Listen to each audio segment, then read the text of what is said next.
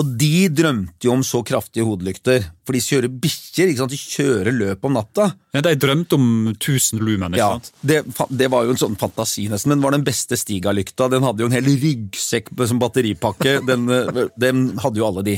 Ja. Og den var jo nothing i forhold til det folk, vanlige folk går i, i preppeløyper med nå.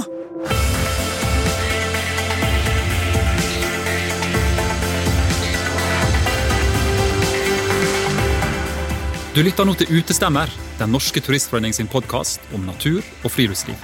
Jeg heter Eivind Eislott, og som mange andre så er jeg fascinert av Henrik Mestad og alle de ulike rollene han spiller i filmer, TV-serier og teaterstykker.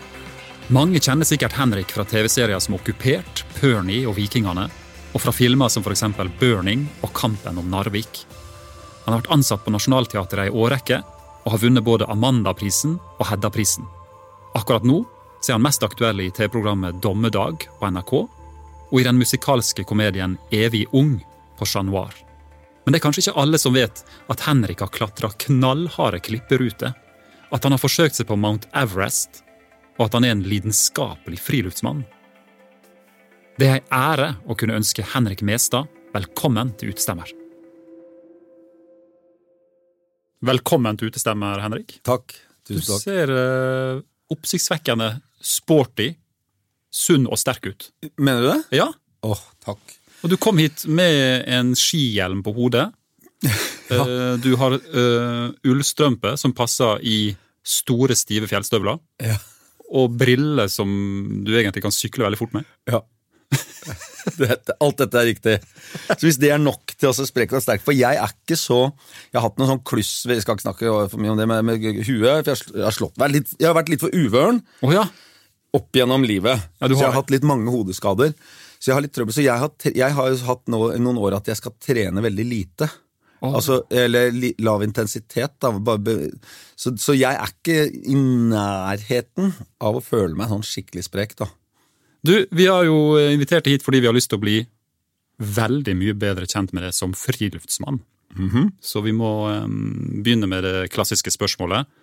Vokste du opp i en turfamilie?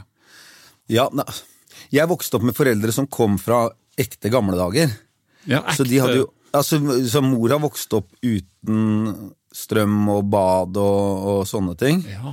Eh, så de gikk på naustet, eller på sjøhuset, som de sa. Eh, de, det var der de gikk på do. Og de vas, ikke sant? Altså, så jeg har vokst opp med Både mor og far har vokst opp i, på tra, vestlandsplasser hvor ja, for det var Bømlo-dialekta som kom inn her nå. hun var, Mor var fra Bømlo, ja. Og far var fra Evanger, en bygd like ved Voss. Ja. Eh, så de De var mye nærere på naturen eh, i hverdagslivet sitt. Ja. Så de kunne, de kunne en del ting om, eh, om, om kulde og varme, og, som er jo de viktigste greiene egentlig når du er på tur. Så de var ikke så veldig sånn på tur. De var glad i å være på tur. Mor var veldig glad i å gå på ski, faktisk. Og, og, øh, og far min var låghalt, så han var ikke sånn, han var veldig glad i å være ute, men han var ikke noe sånn Det tror jeg har vært veldig pluss, faktisk. Nå jeg lager jeg en bisetning på det, som er at øh, han kunne ikke gå så langt. Verken på beina eller på ski. Nei. Det tror jeg var et gull tips til alle småbarnsforeldre. For det førte til at å gå på skitur med han da han var liten, det var, han hadde akkurat lyst til å gå akkurat like langt som jeg hadde. Så det var helt topp. Men det de kunne Han noe om kunne ikke gå lenger! Han kunne ikke gå lenger. Nei, Så han kunne gå øh, Jeg veit ikke hva som var maks, jeg. Øh, men øh, maks en mil, da. Ikke sant? Øh, for han hadde noe sånt tull med med hof, Han hadde ikke hofte. Nei, skjønner. Men burde jo egentlig alle hatt det? En sånn liten, alle burde ha en sånn far en med en sånn sperre. skade. Ikke Ja. den skaden, men en liten alarm Ja. på klokka Ja, ja, gått ja. Deg mil. Ja, det er enda bedre faktisk med en som reelt sett syns at dette, dette var makstur for meg. Ikke sant? Og makstur for en sjuåring, da. Det var helt topp. det. Men det de kunne mye om De hadde selvfølgelig vært veldig mye ute, og, og, og, og far hadde jo vært Han hadde jo vært både både i Vosso, altså at du ror for engelske lakselårder, du skal holde en robot bom stille midt i en stri elv. Ja. Og vært eh, flisagut, som det heter. Flisagaut, vet du, at du går med den der, når i landmåling, når du går med den pinnen og holder Ja, den i ja. Så, så dette var folk som Og mor var jo veldig vant altså, til matauk og fiske og bærplukking. Altså, sånn at De hadde veldig mye av disse tinga i seg, men de regna seg ikke som turfolk. For de kom jo fra den tida hvor dette her var hverdagsliv, på en måte. Ja, ja, ja. Men Derfor kom det mye kunnskap. Men det kom for mye kunnskap.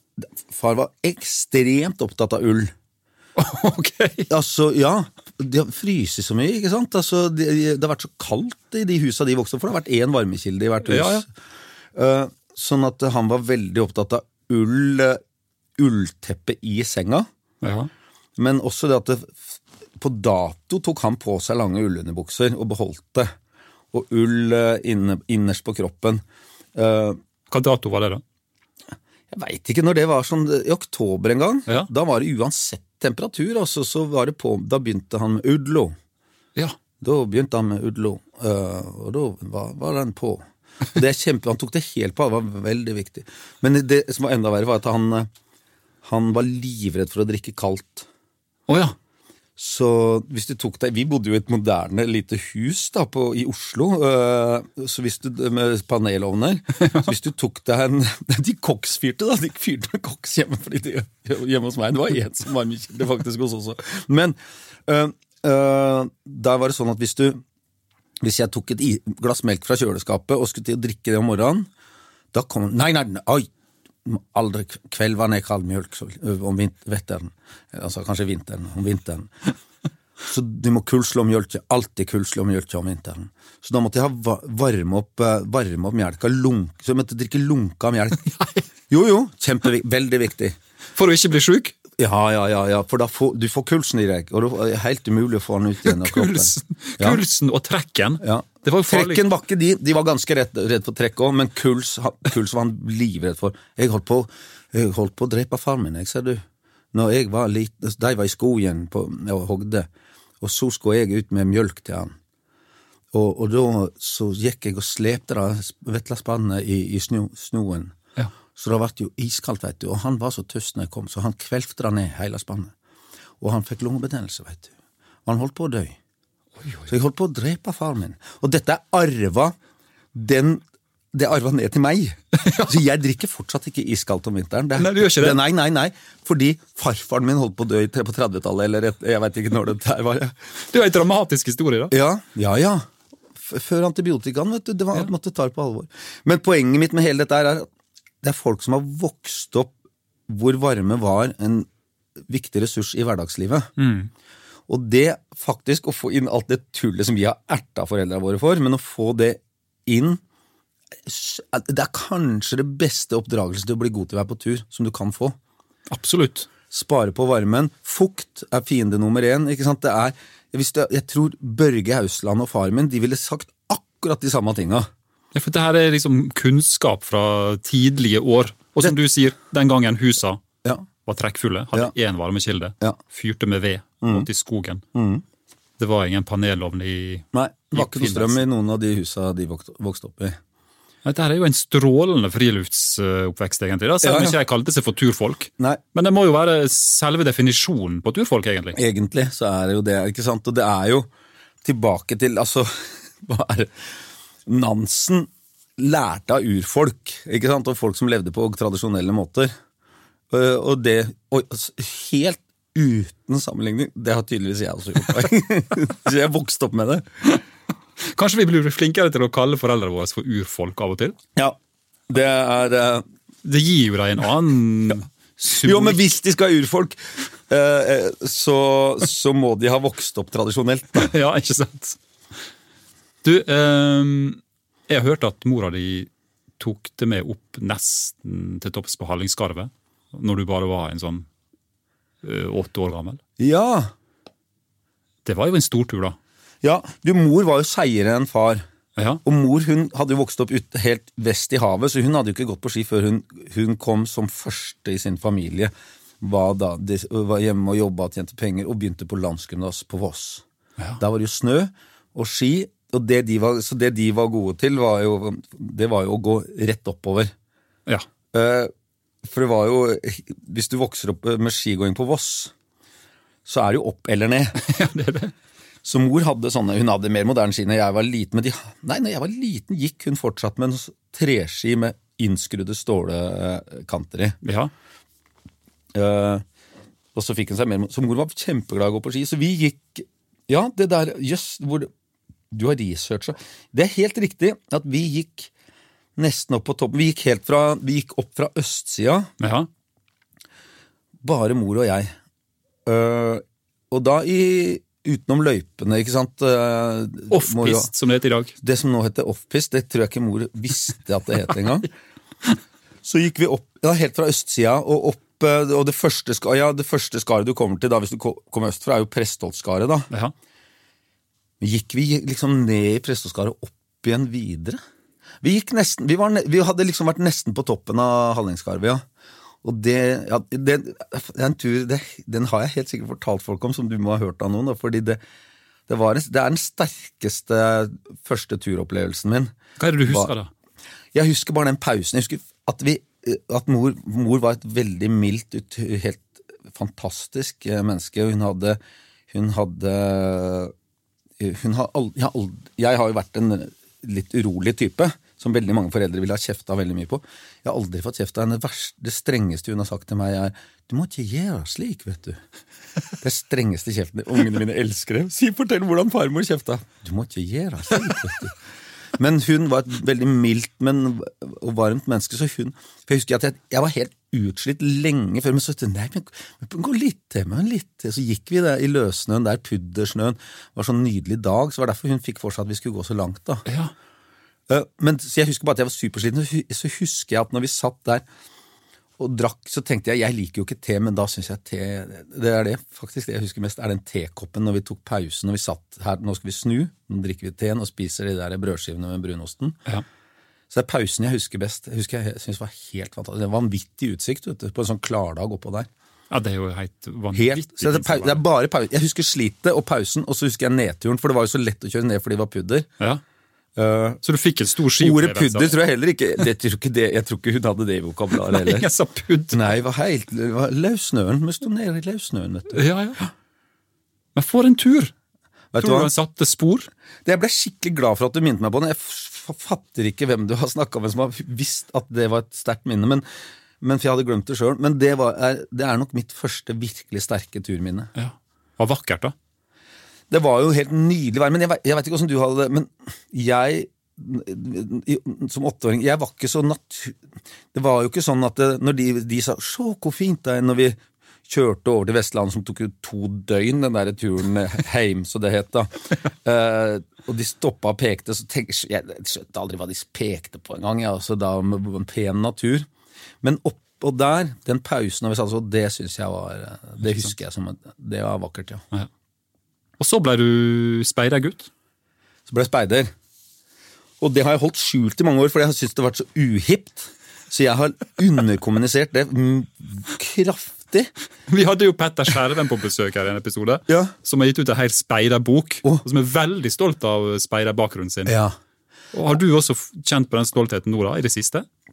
Ah, jeg, er til, jeg er på vei til å begynne å kjenne på det. Men, men eh, ja, jeg, jeg burde gjøre det, fordi jeg lærte veldig mye om å være ute. i Men hva er, hva er den følelsen av at du ikke Hvorfor vil du ikke snakke At det var så dust, og det var så mye sånn dustegreier i speiderkulturen. Det var I den derre troppen eh, som jeg gikk som et femte Grefsen, der var det veldig god kultur. Nesten alle de som var eldre enn meg, de ble tømmerhoggere hele gjengen. Det var virket som, fokus på å være i skauen. Men så konkurrerte vi mye, og jeg ble veldig tidlig det som heter patruljefører. Ja. Uh, og det er jo på barneskolen, da. Det er vel i sjette-sjuende klasse, da. Uh, uh, at jeg da Da er du, da er du på tur i skauen med ansvar for fem-seks andre karer. Det var jo bare gutter her. Det er ganske tidlig. Da er du liksom ute om å ordne og sørge for at ingen blir lei seg, og at alt går greit, og at folk holder seg tørre og sånn, veldig tidlig, da. Så konkurrerte vi, og vi var ganske flinke. Vi kunne mye knuter, vi kunne mye speidertriks, da. Aha. Men det der konkurran... Nei, det syns jeg Til og med da syns jeg det var Johan, altså. Det, det, det var Det var så utrolig sånn Blant annet noe jeg forakta innmari tidlig, var det der at du ble bedømt når du kom på en sånn speiderkonkurranse består av at, så vidt jeg husker det, nå må Oslo Speiderforbund, eller hva det heter, bare tilgi meg for at jeg er litt sånn litt langt unna i tid, men jeg tror det varer en helg, at du konkurrerer Du får noen kart, ting på et kart, og så skal du komme deg til den posten og den posten og den posten. Ja, ja, det kan Og stemme. Og så er overnattinga, leiren blir bedømt, og alt blir bedømt. Og på disse postene så er det å konkurrere i noe. Mm. Bygg noe rart av bare kvist og tau, eller, eh, eller sånn gjette Det var også sånn gjette hvor mange erter det er i et glass, eller ikke sant? Det kan være sånne ting også. Og så er jo hele leiren blitt bedømt. Men du, like mye som å bygge noe ordentlig, som virker, eller redde, gjøre et livredningsgreie, Ja. det fikk du en viss poengsum for. Så fikk du li, samme poengsum for om du var korrekt speiderkledd. Så du fikk trekk hvis du ikke hadde speiderskjerfet på, eller alt de greiene der. Og det husker jeg, altså som som tolvåring, så jeg, jeg forakta det systemet der. ja, du gjorde det. Og det førte til at jeg slutta der og begynte i en sånn der ak- rebellaktig speider istedenfor med bare rabagaster. Og som ikke var organisert. ja. Hvor du gjorde mer som du ville. ja, det var det, mildt sagt gjorde mer som vi ville. Var det her uh, din venn skredeksperten Kjetil Brattlien kom inn i bildet? Oi, nei, så begynte jeg på videregående. Ja. Så på Sandaker, Den tida på Sandaker, da var jeg mye på tur med denne Rabagast-gjengen. De, in, ingen av de tok noen sånn type utdannelse. De, de gikk andre veier her i livet. Ja. Herlig gjeng, men det var, der var det mye trøkk. Nei, så begynte jeg på videregående. Tenkte jeg må begynne med litt sånn mer ordentlig. Begynte jeg på videregående på Berg. Der traff jeg Kjetil Brattelien, ja. Ja. Som, eh, som han har fortalt om noen helt uh, strålende turer inn i marka. da. Ja. Og at dere også veldig tidlig, i første klasse på videregående, dro til høyfjellet med svære sekker, telt og lange skiturer Ja. som endte opp gjerne på Finse. Ja, det husker jeg. Det er første turen. Da fant jo vi hverandre med den interessen for tur. Og fikk dere lov til det hjemme, altså?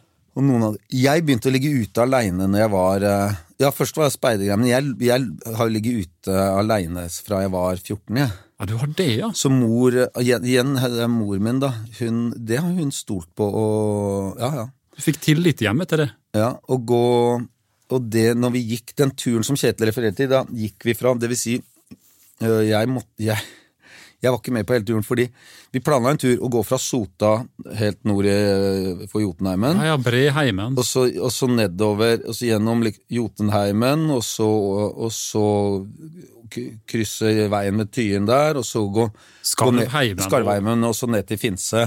En enorm tur. Det er en kjempefin tur. Så den gikk vi da. Ja, det var 16. Men det som skjedde da, var at jeg Da fikk jeg min første filmrolle. Åh. Jeg hadde gått der før, så jeg var den eneste som hadde gått store deler av den turen før. Ja. Uh, så de andre dro. Kjetil og Christian og hvem de nå var, de andre. Uh, og så skulle jeg hekte meg på på Tyen, for jeg fikk min første filmrolle hos Vam og Vennerød. Nei. Eh, så jeg filma, og så kom jeg etter. Så kom jeg for sent, kom et døgn for seint til dem, så jeg halsa av gårde. Men da var jeg var Da halsa jeg av gårde, skjønte jeg går så langt jeg kan, og så bare sov jeg i soveposen, rett og slett, i oppe Ja, jeg skjønte, Sulebu et sted. jeg skjønte at jeg rekker Nei, jeg prøvde å gå enda lenger, så jeg skjønte at jeg rekker ikke til Jeg rekker ikke Ja, hvor kan den første overnattinga ha vært, da? Jeg tror jeg, jeg rakk å gå helt over, og så ned til Breistølen og oppover igjen, og så skjønte jeg at nå må jeg bare sove. Det er en lang tur. Uh, og så da sov jeg bare i en snøfonn, altså. Og det gjorde slett, I soveposen. Sånn For å nå igjen kompisene dine Ja. et eller annet sted der framme. Ja. Det her er ikke alle som gjør lenger. Nei, det er ikke Nei. Men det var, nei, nå hørtes det innmari barskt ut, egentlig. Men det Ja, var men det helt var jo greit. Nei, det var helt greit. Jeg, jeg var vant til I marka, da, ikke i fjellet, men i marka var jeg vant til bare å sove med soveposen Mm. og en, en Polaris. Ja. Det var første dyre tingene jeg fikk her i livet, tror jeg. En slags vindsekk eller nødbuvak. Så, Så, hadde, så hadde jeg en sånn, vindse, sånn Ja. sekk utapå, da. Ja. Grevling het det. Grevling var det. Ja. Nettopp. Den kunne du overleve i. Ja, du, jeg sov jo i en god, en ålreit vinterpose som en Ja. grevling. Og på den tida så hadde jeg Han, han derre s- s- speidlederen over speidlederne hos oss, Mårud i 50 Grefsen, han var veldig glad i en sånn boks som han hadde sånn kullstift øh, oppi. Har, har du vært borti det? Ja. Det var jo full av asbest. Hele den boksen besto jo bare av asbest. Så fyrte du på en sånn kullstift og bo lukka boksen, så var det litt sånne pustehull i den. En bitte liten boks på størrelse med en mobiltelefon nå. Ja. Den la du nederst i soveposen. Så det antageligvis kom så mye gift og dritt ut av den at det var helt sjukt. Men det da lå- giftbombe det giftbombe som nederst i hadde nederst ved beina. Og da, kunne du, da holdt de soveposene vi, sånn som den jeg hadde. hadde- For jeg hadde jo ikke en, Den ville jo ikke blitt kalt noe ekstrempose nå, den der Ayungelak Polaris som jeg hadde da. Nei. Men den, så lenge du har en liten varmekilde Seinere har jeg gått over til å ha varmtvann i en, en flaske da, nederst i posen. Ja, det er lurt. Det er mitt hoved, det er mitt eneste tips når folk spør om det å dra på tur om vinteren. Da kom vann i Varmtvann i, i en god Nalgenflaske eller noe sånt. Noe. Ikke sant? For da får du opp tempen der nede. Ja, ja, men altså, det er to verdener. Ja. Det er, det er hele greia. Og så tar du sokkene dine. Sokkene er jo litt fuktige. Så begge sokkene tres utapå den flaska. Nettopp. Og så ligger det, det nederst i posen der. Og det er ullsokker. Det er ullsokker, ja. Ja, det, har jeg, det veit du jo. Det kommer ikke syntes. Ja, det, nei, det er ull. Det, det er uh... Kjetil eh, Brattlien fortalte også at eh, det handla om å komme fram til Finse før påskeaften, fordi på påskeaften var det partytime. Det var helt man sinnssyke fester på Finse den, på den tida. Da var Finse et mye mer et samfunn. Så lå det masse folk på Finnshytta, lå masse folk i telt rundt der. På den tida så telta man jo i nærheten av Finnshytta der. Ja.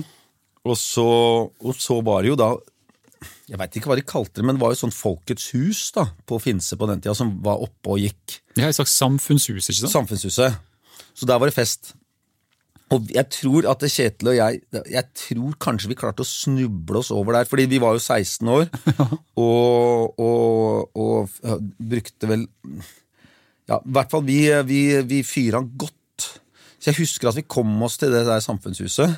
Men jeg husker ikke at jeg kom meg hjem igjen derfra. Til noe sted. Så det var blanding. Det var, fest, det var lange, lange, lange lange turer og ordentlig dra på.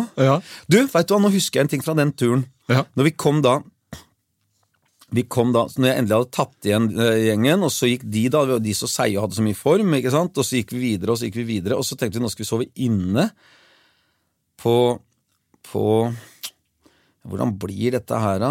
Jeg lurer på om den var bygd allerede, den hytta som ligger mellom Jungsdalen og, og Geiteryggen der, ja. Ja, riktig. Det, det kan, må det ha vært, for hvert fall så fant vi ut nei, vi skal prøve å gå enda ned, vi prøver å gå ned til Geiteryggen Ja, Ja. På, på natt, eller seint på kvelden, da. Og da var det sånn vindstille og nydelig og må- fullmåne og hele pakka, som du alltid er en gang i løpet av påsken. Og helt stille, så går vi nedover, og så kommer en reinsflokk, lydløs reinflokk. Du bare hører så vidt brumlinga i fullmånen, sånn i totida om natta, ikke sant. Kom det opp et skar som ikke hadde merka oss, eh, kanskje det var et lite drag feil vei, da. Så det er første gangen jeg så villrein, og den kom jo på så nært hold også, hele flokken oppover der i fullmånen. Det er kanskje mitt andre Hvis vi, du nå i stad hadde mitt første sånn ordentlige kick, det var nok andre virkelige kick på Hørtes natur. nydelig ut. Helt sinnssykt, vet du. Alt var lydløst, for det er litt sånn lydløs snø, og det, alt er nesten lydløst.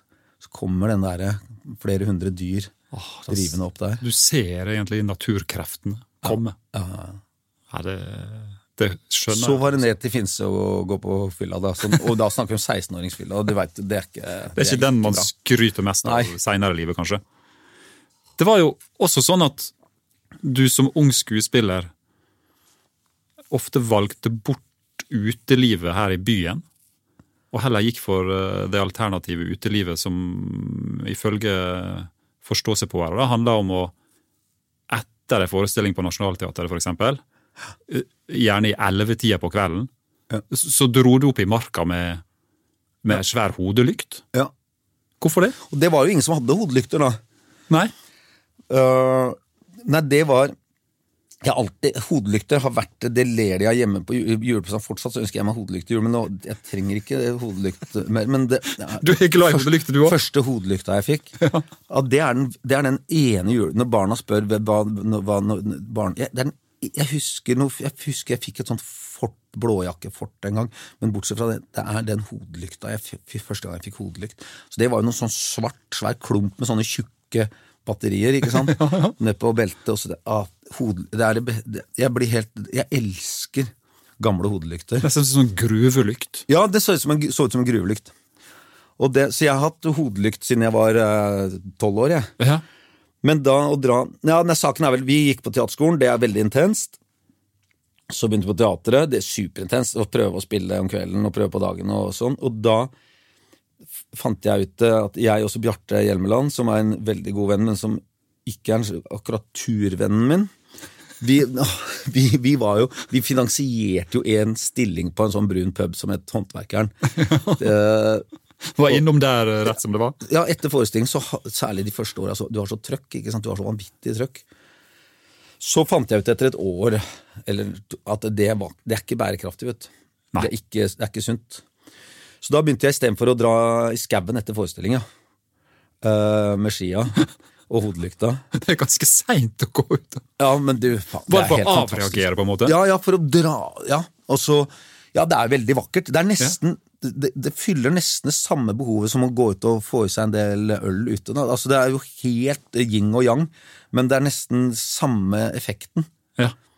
Uh, Og det skjønte du tidlig. ja, veldig tidlig. For det andre, jeg har jo, jeg har jo evnen til å bli hekta på ting, og det kan, du vet jo, det, det er jo, man kan bli hekta på bra ting, og så kan man hekta på andre gøyale ting som er veldig usunt. da. Ja, ja, ja. Sånn at eh, Ja, det skjønte jeg tidlig. Men det som er, det var én hodelykt jeg så i ny og ne oppi, uh, oppi skauen eh, på den tida, i hvert fall hvis jeg dro fra Maridalen, eh, og det et, så jeg Det oppdaga jeg etter hvert var Vegard Ulvang. Vegard Ulvang. Han var den andre jeg veit som gikk med hodelykt rundt på den tida der. Du og han. Ja. Men jeg, jeg kjente han ikke da. Nå er jeg jo litt på hils med han, da, men altså da eksklusivt ja, eh, du vet, Hvis man møter to med hodelykt, så ser man ikke ansiktet eller noen ting. Nei, nei, nei. Eh, Og nå har jo det kommet egne sånne hodelyktvettregler At du, du skal helst stille lykta litt ned, for det har blitt så mange lumen nå. Ja, men det er det som er helt koko. Folk du blender jo folk. Men kan jeg, vi- er det lov å ta sånn kjepphester her? Ja. At her er turfolk som hører på, fordi det er helt koko. Folk går jo med helt sinnssykt sterke hodelykter. Det er bare tur. Altså, jeg husker jo det der når jeg begynte å være på tur med hundekjørerne. For han, Kjetil Bratlien, som du har snakka om nå, han begynte jo å- øh, i Trekkongklubben og dro på tur med hardcore hundekjørerfolka. Og så pleide jeg, å møte dem oppe i fjellet og kanskje ligge noen netter med dem og sånn. Ja. Og de drømte jo om så kraftige hodelykter, for de kjører bikkjer. De kjører løp om natta. Ja, De drømte om 1000 lumen, ikke Ja, sant? det, det var jo en sånn fantasi, nesten. Men var den beste Stiga-lykta. Den hadde jo en hel ryggsekk som batteripakke. Den, eh, den, den, den, den hadde jo alle de. Ja. Og den var jo nothing i forhold til det folk, vanlige folk går i, i preppeløyper med nå. ja. Og det tenker jeg det, Ja, bare si til hele gjengen Du, du ødelegger jo nattesynet ditt fullstendig. Så prøv, kan ikke alle bare teste og bare gå kraftig ned på hodelyktene sine? ja. Og jeg går, jeg går mye fortsatt eh, når det er mørkt. Hvor mange jeg- lumen har du? Nei, jeg, går, jeg har én lykt som, som, har, eh, som, har, som jeg selvfølgelig har fått av de hjemme. da. Og den Nei, den er ikke i nærheten av det trøkket der. Nei. Men den, kan, den, har jeg, den går jeg som regel med på rødlys. Ja, Sånn, ja. At du tar av alt annet lys, det er bare det lille røde igjen? Det, det lille røde, ja.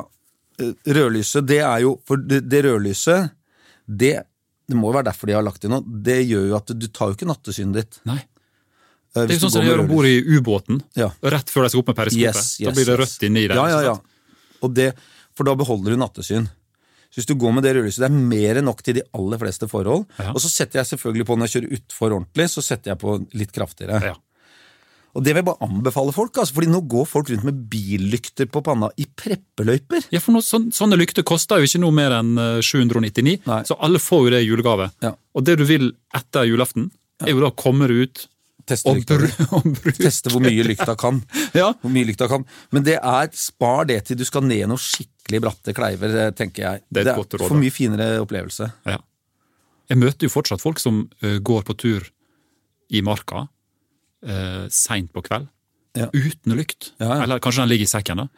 Og da blir jeg alltid litt sånn litt flau fordi jeg sjøl har på. Gå med lykta. Jeg, går veldig, jeg skrur den veldig ofte av. Har- eller har det rødlyset på. Ja. Men jeg går også veldig ofte av, for det er utrolig hvor lite lys du trenger. Når du går i preppeløyper, Ja. så trenger du nesten ikke lys. Nei, det er et godt tips, altså. Og det er en helt annen følelse. Det er, det er bare, ja, det er en helt annen følelse. Ja. Men du lærte altså tidlig at for å finne en slags form for balanse da, mellom yrkeslivet ditt, Ja. utadvendt, krevende på scenen, og så roe litt ned igjen, så var det turlivet og naturen som kunne gi deg den balansen. Ut og ta seg ut. Altså den der kombinasjonen, Det som jeg drev med veldig mye hele 90-tallet og, litt, og ja, litt lenger enn det, det var veldig mye å, å ta meg ut og slite meg ut i naturen. Ja. Uh, så jeg var ikke noe god på sånne romantiske eh, koseturer. Det var sånn ta seg ut var jeg veldig glad i. Ja, ja. Tømme, tømme ut alt trøkket. Brukte du pulsklokke òg? Nei, nei, jeg har aldri Nei, fortsatt ikke. Nei. Er, er du på den der treningsappen Strava? Nei. Nei, nettopp. Dette er viktige spørsmål, vet du. Ja, ja, ja. Du, jeg er ikke Jeg er Jeg skjønner jo cirka det der. Jeg skjønner jo hva som er, eh, hva som er en sånn puls og sånn. Jeg har vært på toppidrettssenteret Eller vi var en annen kompis fra klatremiljøet, Jo Nesbø og jeg, de skulle lage en sånn artikkel om oss sånn på gøy oppe på Olympiatoppen. Og da målte de O2-opptak, og da lærte jeg en del ting. og sånn. Det var, jo- da var jeg 50, da. Ja. Da lærte jeg en sånn, Men da fant vi ut at jeg hadde makspuls som 50-åring på 205. Oi! Og det tenkte jeg var dødsstilig, for Jo hadde mye dårligere. Eh, Men så fikk, sa hun legen på landslaget, så sa hun sånn Ja, er, jeg foretrekker at folk har den som Jo har, da, som er veldig bra å ha, men den min er litt sånn ekstremversjon. Ja. Som hun sa, den kan være litt farlig. Oh. For da, når du blir 60 da, og har, har så latterlig høy makspuls, så det er de som dør når de går Birken og sånn. Det er de som eh, var hennes teori, da. Det Ja, nettopp har fordi du har muligheten til å dra det litt for langt. evnen til å presse deg for langt. Til at hjertet slår det sjøl til døde, nesten. systemet tåler ikke pulsen din. Det var et godt tips. Ja. Sjekk makspulsen Sjekk i en viss alder, Ja. og, og hold litt igjen i Ja. Men disse vennene dine som jeg har snakka litt med, de sier jo det at når du er på tur, da endrer du litt karakter òg. Fordi veldig mange av oss som kjenner det fra den lille landsbyen Sankthanshaugen, Ja. Vi ser jo deg som en veldig sånn ekstrovert type. Du står på alle hushjørner, snakker, gestikulerer, du kjenner 10 000 mennesker. Ja. Og så er du på scener, og så er du på film, og så er du i TV-serier. Ja.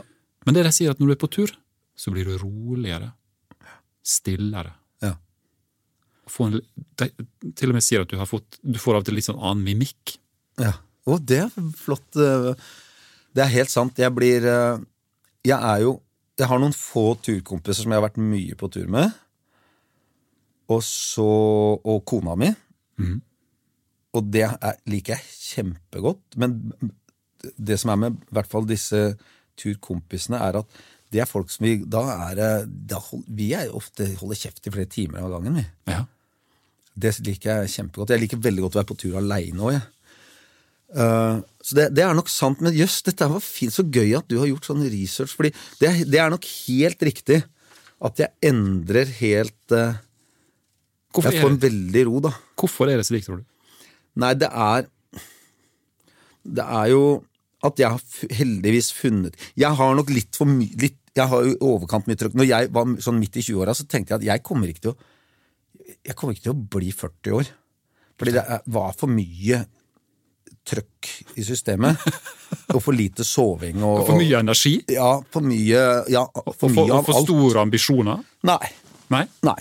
Men bare energi? Ja, bare trøkk og for mye av alt. Og, og, og, og, så øh, Mens den turgreia, det har jo vært øh, min meditasjon. Senere har jeg faktisk lært meg å meditere også. Det tok meg uendelig mye tid. Men, det, men tur er jo Det har jo en meditativ øh, effekt. Men derfor har det det er ikke så, nå, nå har det roa seg litt, men det har vært, er, derfor, derfor tror jeg også at jeg har vært så veldig glad i å måke på på tur. Virkelig måke på. Sånn at det, systemet er helt At det eneste du har lyst på, det er hvile og mat. Ja, Du tar da, det helt ut for å kunne Jeg tror det, det jeg har ikke tenkt selv sånn bevisst om det, men jeg har vært veldig glad i det. Ja. Og derfor har jeg fått Så det er derfor jeg liksom har spist kirsebær med de store, for at disse turvennene mine de har jo blitt sånne profesjonelle, gjort helt syke ting. Det er jo fordi at jeg har vært så glad i å dra til sånn ordentlig, at det er de det har vært naturlig for meg å henge med. Ja, ja. Men, men, øh, men øh, for meg har det handla om at tro, eh, Som jeg har analysert i ettertid, få tømt det ordentlig ut, sånn at du kommer ned til sånn ba, bare basisk, og det kan bli litt stille oppi huet, for det har alltid vært så vanvittig mange øh, filmer på en gang oppi huet. Mens når du har dratt slitt deg ordentlig ut og er ute i naturen, og alt handler om varme og næring, varme og næring, så har jeg tenkt sånn, da kommer du litt tilbake til ur, det urmennesket sitt behov, da. ja, du gjør det. Eh, og det har vært veldig deilig, og da blir jeg mye roligere. Kanskje er det det poetiske ved det hele? Du må vende tilbake til liksom urinstinktet, det basale. Jeg tror det er magien med, med Mye av magien med tur er det, ja. Ja, Det er jeg helt sikker på. Og, det å, å være i det du opplever som urørt natur Nå fins ikke urørt natur, det er et litt rart begrep, da, men det å oppleve det som, det som, være i det som du opplever som urørt natur, da, altså da hvor du kjenner kjenner tilhørigheten til det som har sett cirka sånn ut så lenge mennesket har eksistert, da. Ja.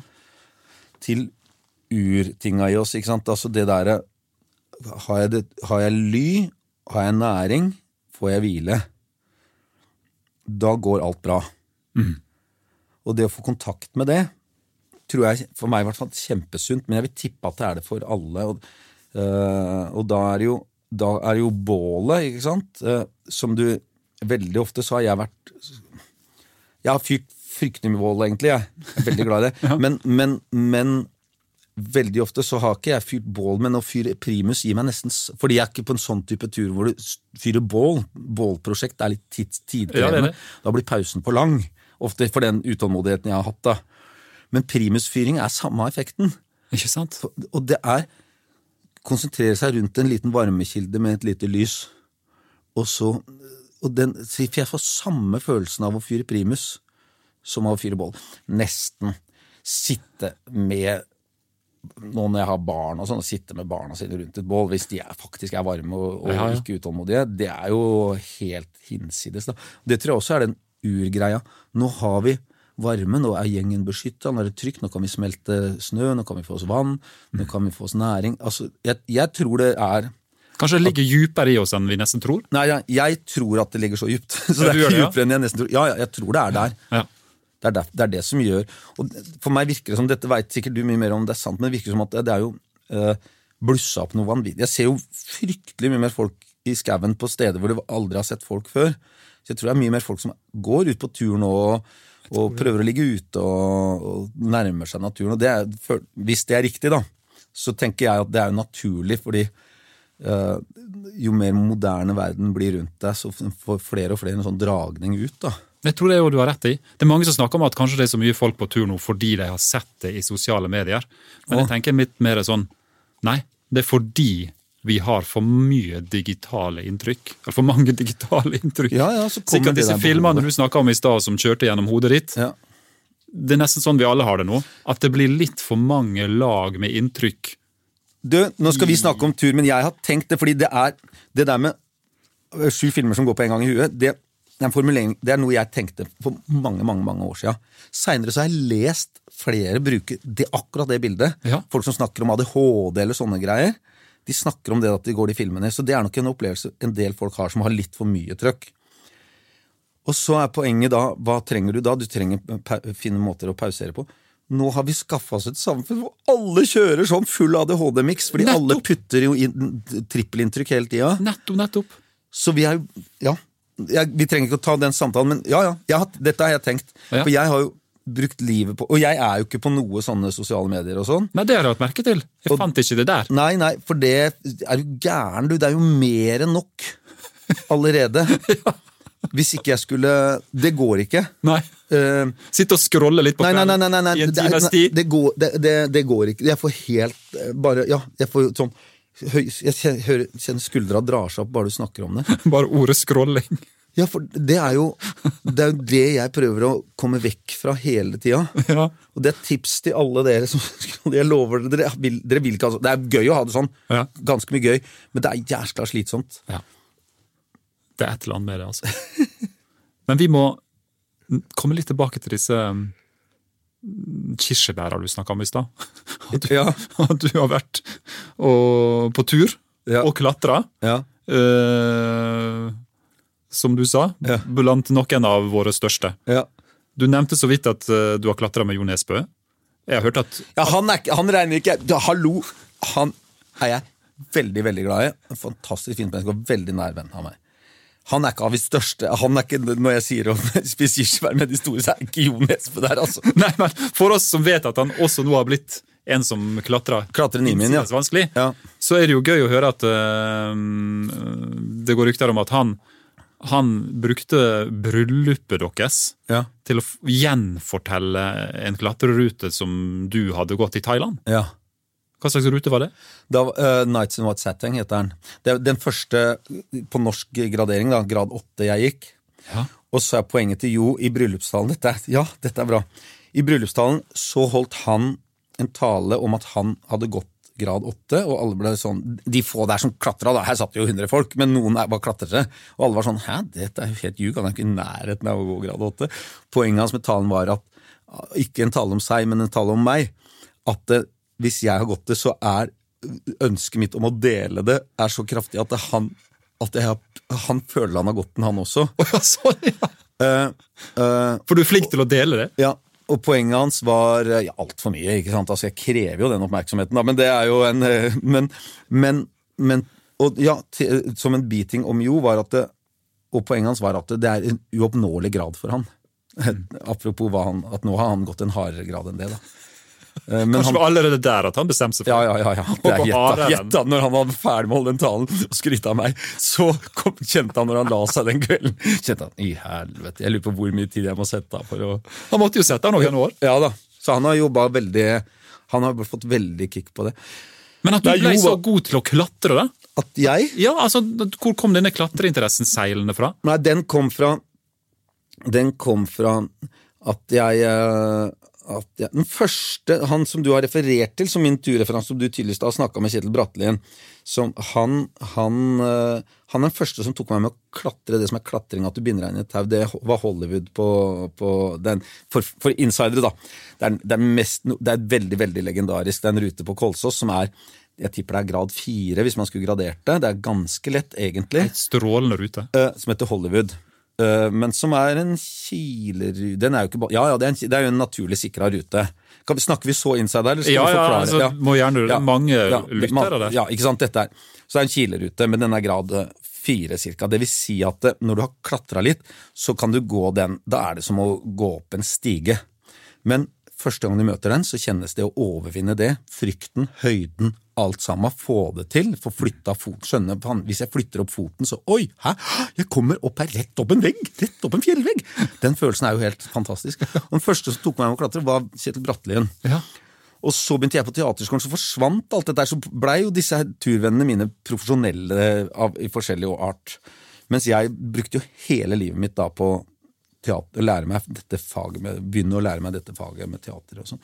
Så var jeg på en padletur eh, oppe i Lofoten en del år seinere, og så padla jeg forbi Presten. Oi, presten, ja. Og så så jeg folk oppi der, så tenkte jeg fankeren, det der har jeg gitt fra meg ved å gå for det teaterlivet mitt.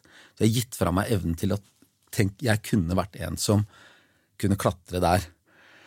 Og så begynte jeg å klatre litt. Uh, tenkte jeg jeg vil bare lukte litt mer på det. Så merka jeg med sportsklatring, altså at man er ute og klatrer på bolter og sånn, så merka jeg at det første gang jeg klatra noe litt hardt der og var så kom jeg ned, hadde kanskje vært på veggen i 20-25 minutter, så kom jeg ned, så skjønte jeg faen, nå har det vært helt stille oppe i huet. Ja, sånn, I 25 minutter. Det har vært helt stille. Jeg har bare tenkt, fordi frykten er så stor, frykten og fokuset er så stort, at det var helt stille. Så for meg var det en sånn terapiaktig kick, da. Ja, ja. Så begynte jeg å, å, å bruke litt tid på, på, på sportsklatring på et veldig lavt nivå. Da, og kåle til, bruke altfor mye krefter, sant, som veldig mange menn vil oppdage hvis de begynner eh, nok, øh, Hvis de har gjort andre ting, så de har mye styrke i overkroppen. Så jeg dreiv på og reiv meg opp vegger. ikke sant, Klamra meg fast og dro til. Sånn klatra jeg en god stund. Og så møtte jeg liksom folk som hadde peiling, som viste meg, tok meg litt videre og lærte meg at det kunne vært bra å få litt vekt på foten og sånn. da. ja, ja. Og så begynte jeg å få litt mer dreis på det, så begynte jeg å sette av litt tid. Men aldri ja, Så begynte jeg å lure på om jeg skal sette av så mye tid at jeg kan bli virkelig god. Men det, det, det har jeg ikke gjort. Men jeg, blitt, jeg, jeg blei jo sånn eh, Men jeg har hørt om en mail eller en eller annen melding som gikk fra klatresenteret her i Oslo Ja. til eh, sjefen på Nationaltheatret. Ja! Og som handla om at Ja, ja, Nationaltheatret burde egentlig ordne det sånn at du fikk litt mer tid til å klatre. Det er veldig gøy. Da er jeg godt over 30 år. Godt over 30 år. Da sender Jakob Nordmann, som er en legende i, i miljøet, som da dreiv det første klatresenteret her. ja. Da skriver han en mail til Eirik Stubø, som er teatersjef, at han er bekymra for min karriere. Eh, Fordi jeg er en talentfull klatrer, men jeg drar på åra. Og hvis ikke jeg nå prioriterer karrieren ordentlig, så kommer ikke jeg til å utvikle meg ordentlig som klatrer. Så om jeg kan få Og den karrieren han snakka om! Han snakka om klatrekarrieren. Det er jo en strålende Det er fantastisk. eh, Det er veldig, veldig gøy. Det beste skussmålet man kan få, egentlig. Ja. Å få sendt den mailen. Men det vi husker, flere av oss, da, er jo eh, at du dukka opp i nasjonal presse. For du skulle på Mount Everest. Ja. Og du skulle ikke bare klatre verdens høyeste fjell, men du skulle også lage TV-serie om det. ja. Og det var eh, Hva slags påfunn var det? Nei, det var Da var jeg fortsatt Hadde jeg veldig fokus på den Jeg hadde da begynt å være mye mer på tur og sette av litt tid til For, for eksempel, for å få klatra ordentlig, så må du sette av litt tid, eller dra på turer, da. Eh, så jeg begynte å sette av litt tid og ta litt småpermisjoner og sånn, bitte litt. Eh, men, men det var jo allikevel ho teatret og ja, det- Fortsatt hadde jeg ikke begynt å filme så mye. Jeg var mer teater. Jeg var, var teater jeg hadde hjertet mitt i. Så fikk jeg en henvendelse fra de som la- lag, alle de gutta på turgreiene. De skulle lage en dokumentar, og følge en norsk ekspedisjon på Everest. Om jeg skulle være med å være en slags programleder, men være med De måtte ha en som kunne en som kan fortelle, og som kan klare seg sjøl oppe i høyden eller, og i et telt, og som kan fyre primus, og som kan bevege seg også litt Ja, ja, ja. Kaldt, da. Eh, og så tenkte jeg sånn Nei, nei, det skal jeg. Det skal jo ikke jeg. Det er jo helt Og det var det som var meningen at jeg skulle spille på teatret da, det var veldig sånn wow-greie. Og da var folk kollegaene sånn Er du gæren? Du kan ikke Da må du ta permisjon et halvt år, og det må du ikke gjøre. Så spurte jeg da Wenche Foss, som Og da hva tenker Wenche, jeg, står og lurer på om jeg skal Så sa Wenche selvfølgelig skal teatret er det jo alltid Ja, det er jo i og for seg Mount Everest også, men allikevel. Det, nei, så hun som Så sa Foss Hun sa det er klart du må prioritere å dra og lage TV fra Everest. Så dro, hva er det? Det er, nei, det er sikkert snart 20 år siden, altså, men da da, nei, da var greia når jeg hadde tatt fri og alt sånt, mhm, så skulle jo dette Her var det jo da Discover, TV Norge som er oppdragsgiver. Ja. Og da sier jeg husker ikke hvordan det var, de- Deres advokater sa de kan ikke betale noen for å dra inn i en dra, utsette seg for livsfare. Så greia var at jeg skulle få lov til å dra til basecamp, da, så kunne ikke jeg gå høyere enn det. Og det er litt skuffende, da, hvis du akklimatiserte og dratt ned. Så, så fikk vi gjort opp på det. da. Så jeg fikk lov å gå høyere. Men jeg fikk ikke lov å gjøre summit, eh, gjøre toppforsøk. Nei. Eh, det var, det var helt altså Det kan ikke de som arbeidsgiver gjøre. og sånn. Men jeg var jo der i tre måneder, og de hadde det helt Det var helt fantastisk fascinerende. Det var helt utrolig kult. Men jeg har aldri hatt noen sånn egen drøm om Jeg har vært litt mer på, litt mer på økosofi-sporet. Ja. Og også det derre uh, Litt med Arne Næss. Gamle Arne. Næss, da. Gamle Arne Næss, han hadde litt sånn Du skal ikke uh, Du skal ikke overvinne et fjell. Du skal ikke liksom altså, toppe ut. Så jeg husker jeg hadde en sånn Når jeg ble sammen med uh, Adele, kona mi Vi var helt, akkurat så vidt blitt sammen, men hun kom fra et miljø hvor de har gått mye på turer i fjellet og sånn. Så for store skallgasselstind er for veldig mange i det miljøet, så er det oi, oi, oi. Ja, ja, ja. Sto, storen, som det heter, da. Uh, og så dro vi den første sommeren hvor vi kjente ikke hverandre så godt da. Men da så dro vi opp der for å Jeg hadde aldri vært der. For jeg har ikke vært så Jeg har, jeg har hatt så mye sånn antireaksjoner i kroppen, så det der Som du skjønner, så har jeg vært på tur øh, og hatt god kapasitet siden jeg var veldig liten ung. Men det der, jeg husker når jeg begynte på videregående, at det var en kar som var opptatt av 2000 meter topper. Tenkte, hva er det? Hva er det? Nei, det er å være på alle topper over 2000. tenkte jeg, nei, makan for noe jåleri. Så det følte jeg at jeg bestemte meg Så jeg har fortsatt aldri vært på Galdhøpiggen. Nei, du har ikke det? Nei, jeg, Nå har jeg slutta å være så opposisjonell, så jeg har sagt til Adele nå at vi må dra opp der med ungene en gang. Men, men jeg Men du var fikk en sånn sånn antireaksjon? Ja, ja. Du skulle i hvert fall ikke samle på 2000 meter? da? Yes, og det får jeg på alt mulig. Så, sånn, så jeg hadde s- Vel, vel, så ville, hadde hun lyst på stolen, og tenker jeg, da, på det tidspunktet hadde jeg klatra litt og sånn. Så sier jeg ja, ja, men da drar vi opp og tester også. Det ble en helt fantastisk tur, for det var så dårlig vær, så var ingen andre som prøvde seg på fjellet. Så vi dro opp bare for å prøve å bli litt kjent, for å spare tid til neste gang. Vi dro opp, og så så vi litt der oppe på Bandet, som er en sånn liten bu, da. Uh, uh, og så gikk vi litt videre i tåka, og det var veldig vått, da. Veldig vått på steinen. Gikk vi oppover, så kom vi opp på sånn, jeg vil tippe sånn 1700 meter. Ja. Så var det tåka, så var det, så var det sol over. Så vi var aleine på stolen Nei, i solskinn, mens alt under 1700 var i dårlig vær. Det var helt sjukt. helt sjukt. Vi starta å gryte Vi hadde jo sovet der på bandet, ikke sant? så vi var jo der kjempetidlig. da. nydelige det lille helt- steinhytta som DNT disponerer der oppe. Ja, så var helt, da, dette tror jeg før det var det, Nå er den satt i stand. Den, det Ja, var, den da var det bare da var en udisponert, da var en udisponert liten røys, egentlig. Da. Men så kom vi opp, og hun har bilde av meg at jeg stikker huet opp, og da er, står jeg med resten av kroppen nede i en sky trynet opp i sola. Ja, for det var så skarpt skille. Så det skillet var helt sånn Disney-filmskille. Det var helt sjukt. Og så satt vi der den litt, og så tørka det helt fint på stein. Så kunne vi bare klatre opp. Men da sier jeg til henne når vi kommer opp For det er en fortopp der. hvis det er stolen, Det er sikkert mange som hører på her som har vært der. Altså, du kommer jo opp på en fort en fortopp som er en svær, fin flate, og så må du egentlig noen meter ned og så opp til selve Ja, ja, ja. toppen. Så sier jeg til Adele når, når hun har kommet For, da, dette, for dere som ikke klatrer, det, det er, man, man går ikke sammen, man går én forrest i tauet, og så kommer den neste etter. da. Så jeg er der oppe, sitter oppå denne fortoppen og får opp henne. Så kommer Adele opp, så sier jeg 'her'. Dette er, her skal vi. Ja, men sier hun, «Ja, det er ikke det høyere, det der? Peker hun 40 meter bort. da. Jo, men det vi er ikke sånne som eh, Vi skal ikke opp på toppen. Det er hit vi skal. Så da sa Adele bare sånn Det kan du bare glemme. Ja, ligge her nede og spise noe havrevelling firetida om morgenen i regn og tåke, og det har tatt altså et halvt døgn å komme opp her, og så skal vi ikke gå de siste, siste 20 høydemeterne. Men jeg var der, var på det Jeg har syntes det har vært kult at du skal ikke opp på toppen. På toppen av ting. Jeg, har hatt sånn humor på det. Sånn dustetopper har jeg veldig ofte på ski gått opp på, sånn som er umulig å komme opp på på ski, for det er så mye lyng og kjass. Det har jeg hatt. Altså, jeg har vært veldig jeg har hatt så mye sånn Opposisjonell. Sånn opposisjon på alle mulige ting. Altfor mye. Jeg er veldig sånn barnslig opposisjon på alle mulige ting. Hvis det, Høres er, en individualist. hvis det er sånn folk gjør det, så skal jeg gjøre det motsatt-aktig.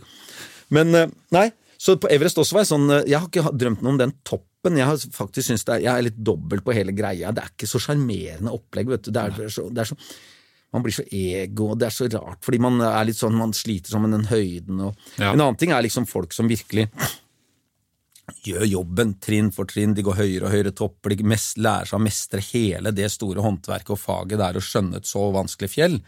Det, det syns jeg er dritstilig. Der er ikke jeg. Men jeg har vært eh, Så jeg, som, den der Everest-greia var Konklusjonen min var at eh, Jeg har ikke vært i Nepal eller Tibet etter det, men da, for var- vi var begge steder, da. Men, eh, men eh, jeg tenker sånn jeg møtte så mye trekkere som skal opp. Det er en På Nepal-sida så er det en, topp som heter Island Peak, som er 6000 meters topp. Ja. Møtte så mye klatrere som måker på for å komme opp der, med, no, med en guide, sant, gruppe med en, kanskje en guide. da. Og da har du det ubehagelig hele tida. For det fins noen, noen regler som gjelder for de fleste av oss i forhold til høyde, hvor mye kroppen din aksepterer per natt. ikke sant? Ja, ja. Eh, Så måker de på, har det ubehagelig, kommer opp der, husker nesten ingenting, får tatt noen bilder og måker ned igjen. Mens hvis du kommer deg opp i 4000 meters høyde cirka i, i Nepal, og kuler'n og roer deg og går i de nydelige dalene og sånn, så får du verdens mest fantastiske naturopplevelser. Mens hvis du støter opp på noe sånn makshøyde, så har du jo nesten ikke hatt noen annen opplevelse enn en sånn kryssa vi har vært over 6000 meter. Eller litt seinere over 7000, da, men da blir det litt mer krevende topper, da. Uh, Og så en litt sånn svak kvalme eller hodepine. ja, ja. Så er, alle er i Ørska. Jeg møtte jo, vi, drev jo filma hele tida, så vi hadde jo avtale med noen leger som er høydeeksperter nede i sånn 4000 meters område der. Mens vi var der, så møtte jeg en sånn nydelig engelsk jente som jeg hadde møtt en uke før på en sånn en av de hyttene der, da. eh, som var med en gjeng. Og da hadde hun eh, Hun hadde fått altså uh, hjerneødem, som er det, den siste konsekvensen av høydesyke, da. Uh, kommer ned her til verdens fremste eksperter, som han faktisk var der. Han som er, var regnet som verdens fremste ekspert på høydesyke, en lege. Og så sitter vi og intervjuer han, og så kommer de yngre legene og spør han. Så sier jeg ja, men fanken, den ekspedisjonen jeg følger, de skal ha et helikopter i morgen, så vi kan komme og få med henne ned. Å ja, ja, ja, så flott. For da ligger hun og er helt uh, i en sånn Gammov-bag, en sånn trykkbag, Ja. uh, med verdens fremste eksperter rundt seg. Og så sier han eh, sier jeg, ja, men da prøver jeg å få til det at helikopteret kommer hit i morgen tidlig, hvis det går an. Så sier han det trengs ikke. Hæ? Det trengs ikke. Jo, men de lege, andre legene her sa jo sånn, ja, men de veit ikke, jeg kan fortelle deg, hun lever ikke i morgen. Oi. Hæ? Hun dør, hun er bare ute på en koselig fjelltur. Og nå dør hun fordi de har pusha litt for mye, kanskje drukket litt for lite vann, pusha litt for hardt. Så Det er jo ekstremvarianten, men, men den, den normale varianten, i min erfaring, da, for jeg vima jo rundt der lenge og lagde mye reportasjer sånn, i området mellom eh, 3000 og 6000, da. Ja. Og, og, og da Jeg møter jo nesten ingen som har ålreit. Ingen. Fordi folk pusher det der. Folk går og er de, i beste fall skikkelig bakfulle hele tida. Mens hvis du roer ned, tar tid Kroppen, kroppen kan fint akklimatiseres Nesten 99 av oss kan akklimatiseres helt prima til fem og et halvt. Og hadde helt topp. For jeg hadde jo vært så mye i den høyden, sånn at når jeg seinere lå i, i, i basecamp på Tibet-sida, som er fem og et halvt cirka, Ja.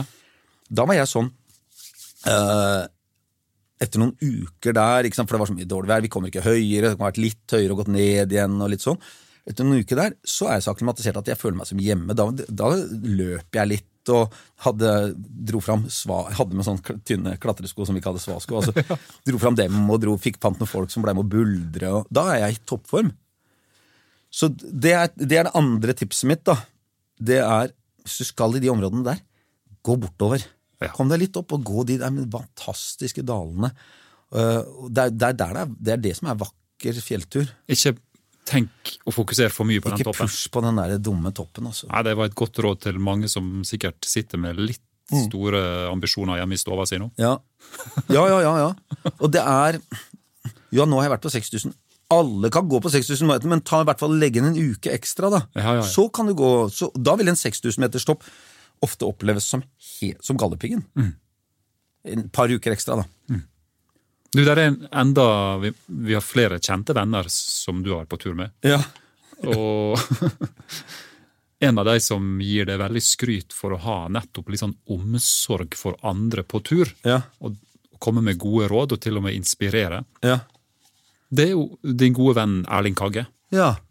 For han forteller at en gang så var dere på Hallings... uh, nei, Hardangerjøkulen sammen. Ja. Og han hadde med seg døtrene sine, som den gangen ikke var så veldig store. Ja. Og så ble det dårlig vær. Ja. Og så forteller han da at selv om været er ordentlig ille, og dere må skynde dere ned fra gjøkulen så fort dere bare kan, ja. så klarer du liksom å holde humøret oppe og gjøre det til en hyggelig opplevelse da, for disse små barna. Du, det husker jeg nå. De var litt sånn eh, unge ungdommer, men det blei ordentlig hardt. Ja. Det blei altfor Det var for det ble, Dette husker jeg. Det blei ordentlig friskt, for det kan skje i fjellet. Bare hør meg hvis dere er sånne som nylig har begynt å gå på tur.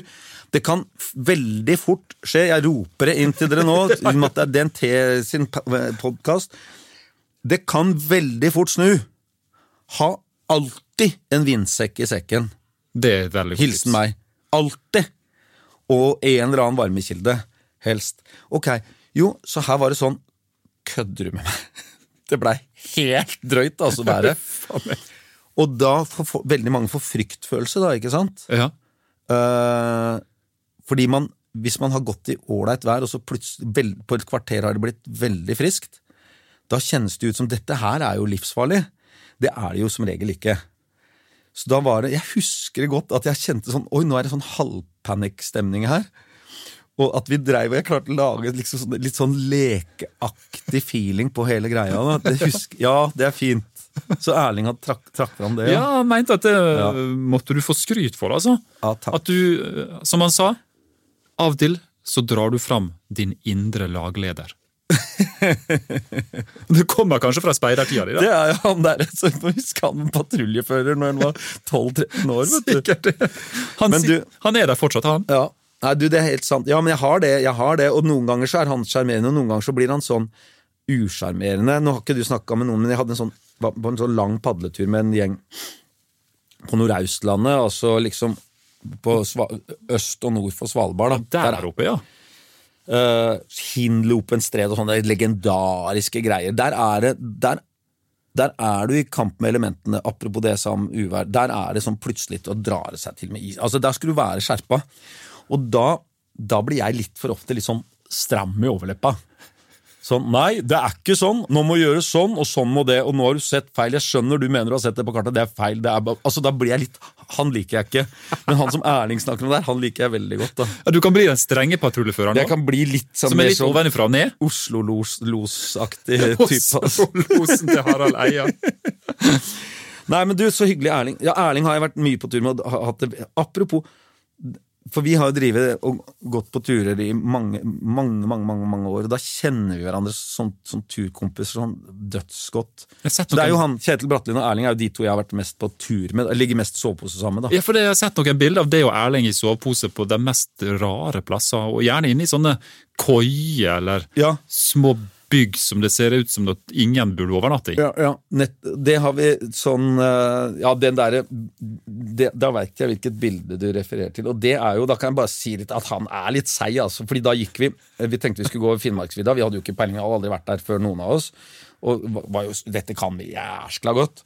Og så, så viser det at der var det jo tørrsnø helt ned på Lyngen, ikke sant? Ja. Så det å gå utenom løypen Vi hadde tenkt å gå, Da var vi sånn vi skulle holde høyt tempo, gikk med veldig lett oppakning. Og skulle bare se hvor langt vi kom på sju døgn. Hvor langt sør vi klarte å komme oss. Spenstig. Og så, så går vi da og subber ned på Lyngen vet, med tørrsnø opp til litt over kneet, eller godt oppå låret. Ja. Det går ikke fort, altså. For det, Hvis du går med lett oppakning for så lang tid, så har du jo godt over 20 kilo, eller si 25 kilo, da. Øh, og pluss kroppsvekta di, så da er, da er du jo skikkelig tung. Og da å gå og subbe ned på Lyngen Så vi hadde møtt en sånn gammel viser seg en legendarisk samekvinne som de kaller for Madame Bongo, som hadde sagt «Dere- skal vel ikke gå i løssnøen, sier hun sånn. «Eh, hallo, det, eh, unnskyld meg, dette her Vi veit hva vi driver med. Så vi måtte krype til korset og gå tilbake og spørre etter hvor skuterløypene var, og for å følge skuterløyper så ofte vi kunne. da. Eh, Men, men på den turen så er vi ikke, er ikke noe mer skuterløyper, så er vi på vei ned sørover der. Så går vi der som whiteout i dagevis, og så går vi med 500 meter mellom oss for å lete. For det er helt umulig å skjønne. Vi skal, alt er så myke linjer, så vi skal finne et sånt pass for å komme over i neste dal. Og så, så går vi med 500 meter mellom oss for å bare ikke for å, ja, for å orientere bedre. Og så plutselig ser jeg ikke Erling, så har han gått gjennom Da var det noe sånn derre myrsystem under, eh, under det vannet vi gikk på. Sånn at det var bobla opp eh, Så det var ikke is. eh, Et bitte lite høl. Ja. Så han har bare gått gjennom til godt opp på brystet, da. Og så sier jeg, opp, som, som, Nansen, som Johansen og Nansen, sier jeg, men skal vi ikke bare hive opp teltet her og sånn? Nei, nei, nei, nei, nei, altså det er masse timer igjen av dagen. Og så, så vi gikk bare videre, vi. Det, da, det, er, det, det er ganske seigt, så vi gikk til langt ut. Men da tenkte vi, da så vi en sånn liten prikk inn i Finland, er det egentlig, da. Ja. Uh, på kartet så tenkte vi finner vi den, sånn at vi kan det er mye lettere å tørke, for vi hadde jo sånn, bare sånn bitte lite telt med så vidt Det er ikke sittøyde i det engang. Vi, hadde bare- vi hadde så lett oppakning. Så da lette vi etter den derre eh, lille bua, da. eh, for at vi skulle få tørka av klærne hans ordentlig og sånn. Eh, og der er det bildet som du hvor vi ligger i en sånn Det ser litt sånn karakterbyggende ut. Ja. Ja, ja, ja, ja. To, to menn i, i hver sin sovepose Ja. i et bitte lite skur. ja, ja. Du, det er En annen venn som prøvde å ringe til, men som ikke tok telefonen. Ja. Generalsekretæren i Nato. Oh, ja. Ja.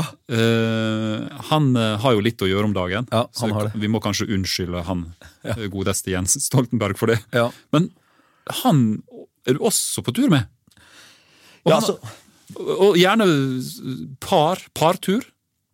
Han, ja, det òg, begge deler. Men han refererer til uh, Det som var med han, var at uh, når jeg ble kjent med han eh, Da var han statsminister helt tidlig i perioden der, og så skulle han åpne det siste Ja, der var jo du også, som journalist. Ja, det stemmer det. Oppe på Åpne, åpne Finse. Skarvheimen. Da, da var det da, øh, da spurte de om, øh, om jeg ville gå med han liksom opp til den timen oppi der. Hvor vi, så gikk vi og prata en time, og sånn, så seinere på kvelden så spør han sånn Så var han interessert i den der å komme seg mer ut og sånn, og lurte på om det var noe som jeg kunne ta med han på.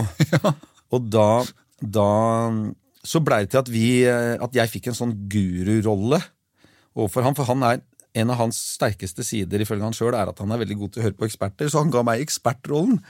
Så, det har vi, så vi har vært på så mye turer hvor alt jeg sier, det sier han ok, da er det sånn man gjør det. Så de mest dustete ideer jeg har om hvordan uh, ting skal gjøres. For en fin rolle å ha i Jens Stoltenbergs liv. Ja, ja, så det har vært eh, kjempefint. Men mest av alt kj- ordentlig hyggelig, da. For han, Det som jeg har skjønt med han, er at plutselig på et eller annet tidspunkt, da, kanskje rundt øh, den åpninga av Hallingskarvet nasjonalpark der, Ja, så ble han veldig interessert i friluftsliv. ja. ja. Det var, Og, og det ja, er ikke måte på hvor øh, interessert han har blitt heller. Nei, nei, og han, han, han Det var jo det, så, at, så derfor pass, Han møter en eh, pratsom type som ikke nøler, det er meg, da, som ikke nøler med å ta ekspertrollen. Jeg, hvis den er ledig, så tar jeg den med en gang. Så, så, så han sier sånn Oi! Vet du hva, jeg lurer på om det første var at han sa at det er mulig for meg å komme opp på, på stolen, for det er jo den alle har. Ja, ja, ja. Så sa jeg absolutt. altså Det kunne vi fått til i morgen. Kan bare øve litt på å rappellere litt. Ja.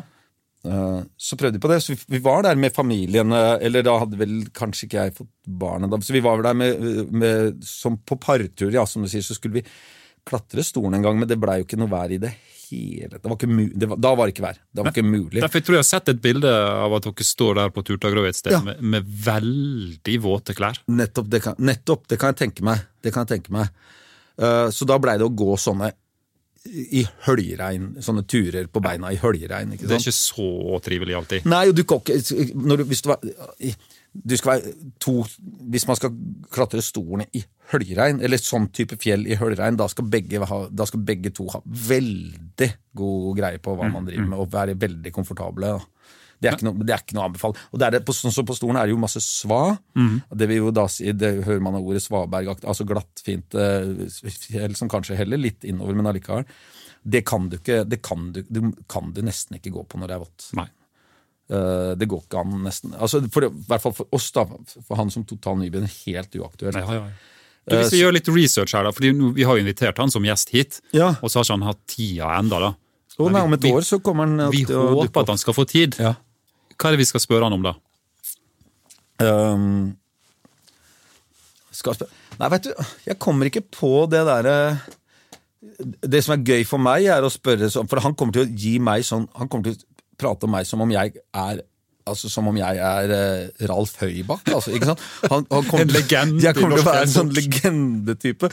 Men eh, fordi i hans øyne er det Men som jeg har sagt til han nå når vi er på ski nå, så har jeg sagt det ikke, nå må ikke du høre på meg, du har ikke noe mer å lære meg. i det hele tatt, For han har jo henta inn og henta inn og henta inn. Så han er jo blitt en mann som er masse på tur. Men eh, å gå lange, seige fjellturer men ha, Han hadde jo lyst han hjem fra Brussel nå. Hmm? Han hadde jo lyst hjem. ja. Ja, ja. ja. Og jeg tror nok han vil si at en av de tingene han har savna med det livet han har hatt nå i mange år, det er å få vært mer, på, mer i naturen, ja. I norsk natur. Ja. Uh, Men han tar en for laget, for å si det mildt. han, han tar en for Uff. Virkelig, altså. Ja, han, eh, han jobber mye. Ja, Det skal jeg love deg. Det, der, det, det er ikke vond vilje at han ikke ringer tilbake, men i løpet av en uke han, har, Nei, det, han setter av liksom noen få timer på døgnet til å pleie familien, og så utover det så kanskje han ringer en kompis. Ja, jeg Jeg skjønner. tror det, han, det, er, det er et tett program. Det har vi all respekt for. Vi må, vi må vende um, inn og tilbake til der det hele starta. For nå driver jo du ditt eget familiefriluftsliv. Ja. Du har kone, og dere har to døtre. Og jeg har hørt at der er ei koie nå, litt sånn nord i marka her i hovedstaden, som dere disponerer. Ja, men det er jo um, gammelt uh, Det, det, er, det, er, det er gam, gammelt nytt, det, fordi vi leide en koie som lå helt for seg sjøl, langt nord i marka. Ja. Det var, jeg mente det var helt Jeg mente det var det optimale Jeg, jeg husker til og med jeg sa til søstera mi at dette her er materielt sett det beste som har skjedd i mitt liv. ja. Uh, uh, det var litt for øde for resten av familien. Så det var litt, så de fant ut at det var ikke snakk om for dem å være der uten meg. ikke sant? Som hvis jeg pendler, at vi har dratt opp og jeg drar og spiller forestillinger. Og, Ja. altså, det var ikke snakk om i mørket. Det, er klin konkos mørkt. ok, Så det ble litt for eksotisk. Eh, og, men der var det jo sånn smelte vann og, og, Ja, ja. og kjempefint. Alle likte å være der. Men, men så vi begynte å se etter noe litt mer, så nå har vi kjøpt, nå eier vi en hytte. vi. Ikke noe voldsomme greier, men en hytte som ligger eh, hvor det har bilvei nesten helt fram, og hvor man ser lys fra Ikke mange, men hvis du går litt helt ned til vann, vannkanten, så ser du lys fra andre hytter. Det kan være betryggende. Ja, Og der er det strøm og Og Hvordan ser det ut en typisk fredagskveld i familien deres? da? Nei, det er Poenget at denne hytta er jo, ikke sant, i og med at det er nord i Nordmarka, så kan man jo eh, si som vi har gjort. Altså, vi, har led, vi ler oss i hjel. Her ligger jo vårt eget sengetøy på. Her er det mat. Her er det eh, eh, vanvittige mengder med ved, pluss at det er strøm. Så vi kan og Ganske ofte skjer det at hvis, hvis en av oss skal kanskje, hvis jeg skal jobbe lørdag kveld, da, så fredag kveld når jeg skal legge ungene, så er det sånn Dere, vi hiver oss i bilen. Og så bare Fopp, så er vi der oppe. Det er, det er 300 meter å gå fra der vi kan sette bilen gjennom skauen, og så opp der, bo, bo, få varma opp litt, og så legger vi oss der, så våkner vi der. Uh, og det er helt Men da er, det er et sånn latmannsliv. Det, I hvert fall eh, jentene de elsker drømmen. Det som uh, ofte skjer, at uh, Adele og jeg går enten, uh, hvis det er, alt er sommer eller vinter, en liten tur ut på ski eller, eller eh, padle eller et eller annet sånt noe. Bitte liten tur. Ja. Og så starter vi eh, da, familiedagen, og så er det ut på tur. eh, Og da er det, det da, da er det Nei, fortsatt fyrer vi en del bål, men faktisk er det blitt sånn Jeg har tenkt at jeg ble det, Ved å få et sånn plass, da, og du eier den og sånn, så våkna det mer en bonde i meg. Nå har jeg blitt så glad Nå har jeg blitt sånn at vi, vi fyrer jo ikke bål her, vi fyrer jo Vi går hjem igjen og fyrer hjemme på, ei, på eiga grunn, på tomta. Fordi jeg har blitt så glad i å drive være der og mekke og fikse og ordne og lage i stand. Så egentlig så er det jeg bare si til alle, hvis du får en sånn plass, så er du mindre på tur. Sånn, ja! Ja, det har skjedd med meg og Du, du blir mer vaktmester? Ja, jeg blir vakt, vaktmester. Men så er det så mye Du kan mek så kan du felle en del sånn småtrær og bygge klatrestativ, eller så kan du bygge brygge og uh, men, men nei, så tur Så det kommer med en pris? det altså, kommer med det en blir pris. litt mindre tur? Ja, ja, mye mindre tur. Ja. Nei, men så nå er det sånn, og det er dødskult, at det, hun yngste, som er ti, hun har, hun har sagt sånn Men vi kan vel dra på telttur selv om vi er her? Og det er svaret ja. Det Ja, kan sånn, vi. ja. Det kan vi. Som utgangspunkt i hytta, ta en, en Ja. liten telttur. Ja, ja, ja. Så det blir det, nå Det blir det mer Nå føler jeg at det, vi, kanskje det er sånn det er omvendt pedagogikk. Nå maser de om mer bålfyring i skauen. Eh, så det er veldig bra, da. Veldig Det er et kjempegodt tegn. Det må du ta til deg. Ja. Men det som jeg har tatt med fra han faren fra helt i starten av samtalen, at jeg har blitt innmari god på ikke, ikke Vi skal ikke sette sånne eh, jeg, tror, jeg tror kanskje det er helt ålreit, men jeg tror mitt, min følelse er at litt for mange turfolk er glad i at, ungene skal ha gått sånne lange turer. Ja, der eh, sitter blant annet litt i glasshus. Ja, Gjerne gå langt, har jeg ofte tenkt. da. Nei, der er jeg kjempegod. Det driver ikke jeg med. Så bra. Så det Adele, kona mi, hun er litt sånn men altså, vi, må jo lære, vi må lære dem en gang å, å, å gå, gå skikkelig langt. Ja. Mens jeg mener at tur eh, med ungene måles i timer. da. Sånn, ja. Eh, Mye tid. bedre måleparameter. Ja, ja. Så vi måler i tid. Være på surrete, fine turer og kåle i vei og se hva skjer hvis vi går opp her. og Det, det gjør vi mye, da. Det er jo Arne Næss senior, da. Ja, ja. Altså bare være Ja. i naturen. Men den, den jeg har prøvd å overføre dem av, av, eh, fra han, da, som, den, den er de ikke særlig begeistra for. Altså, sju rosiner er bedre enn 17 rosiner. For Arne Næss han hadde en sånn greie at hvis du vet, nå har hver av oss sju rosiner, da nyter du de rosinene. Ja, ja. Mens hvis du har 17 rosiner, da har du for mange rosiner til at du nyter hver og en av dem. En kjempeteori! Ja, så jeg, jeg, jeg, jeg det forfekter du! Ja, Sju rosiner er bedre enn 17 rosiner. Men altså, nei, glem det. det vi, lever i, det, vi lever i en tid hvor det er bursdagsfeiring hver dag. Det er egentlig det. Så av og til så kan det være greit at vi bare har sju rosiner. Ja, ja, det er så vidt jeg får det igjennom, men i ny og ne. Du, Vi nærmer oss dessverre slutten av denne fantastiske samtalen. Og du er jo allerede inne på det å gi oss noen gode tips. Så nå um, kommer det vi kaller for mer eller mindre faste spørsmål. Ja. Er du klar for det? ja. Har du ei favoritt-DNT-hytte? Sannheten er, der er jo at jeg er veldig for DNT. Jeg syns det er helt fantastisk. Jeg har ikke vært på Jeg har, ikke, jeg har sovet inne på overraskende få hytter, da. Ja, For du lå i telt ved siden av, du? I- Ja, på Finnshytta. Ja, Finnshytta synes jeg helt Der sov vi i fjor, på Finnshytta. Ja. Eh, der syns jeg var helt fantastisk.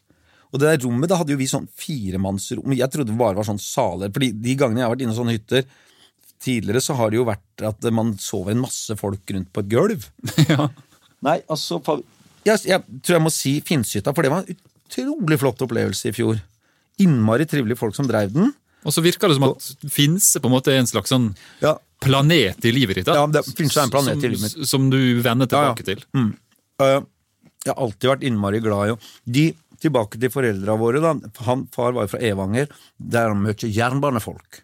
Ja, Så han var oppvoksen med. Og mange av disse bodde på Finse. Så når vi var ordentlig små, da kjente far folk på Finse som fastboende. fastboende. Så vi, vi var der oppe flere ganger og gikk, eh, gikk tur der oppe. Um, og broren min, som er mye eldre enn meg, han husker at de har vært der mens, mens det var et ordentlig samfunn. og var, Det han husker er at det der var det Ungene hadde var mye barn der, var skole der. Folk hadde gravd, var, De hadde gravd sånne tunneler. Hele, hele Finse var Kan du tenke deg en barnedrøm? Det var, det var ikke noe snøhule, altså. Det var var hundrevis av meter med nettverk av eh, snøtunneler. for en drøm. Oh, ja. Har du et favorittfjell, da? Som du må trekke fram? Mm, Skal jeg si hva som er mitt favorittfjell? Mm -hmm. Malmangernuten. 800-900 meter Aldri. i. Rosendal. Der, ja. Det er, Da går, starter du jo nede ved fjorden, og så ligger jo Baroniet i Rosendal, som er en helt fantastisk plass. Og en veldig enkel, fin tur. Den, fordi du står der ved fjorden, den er så vanvittig mektig over den der hagen, og så, og så er det Ja, så det er jo 800 høydemeter fra der du starter, da. Jeg tipper den er 800, jeg veier ikke helt sikkert. 800-900 meter.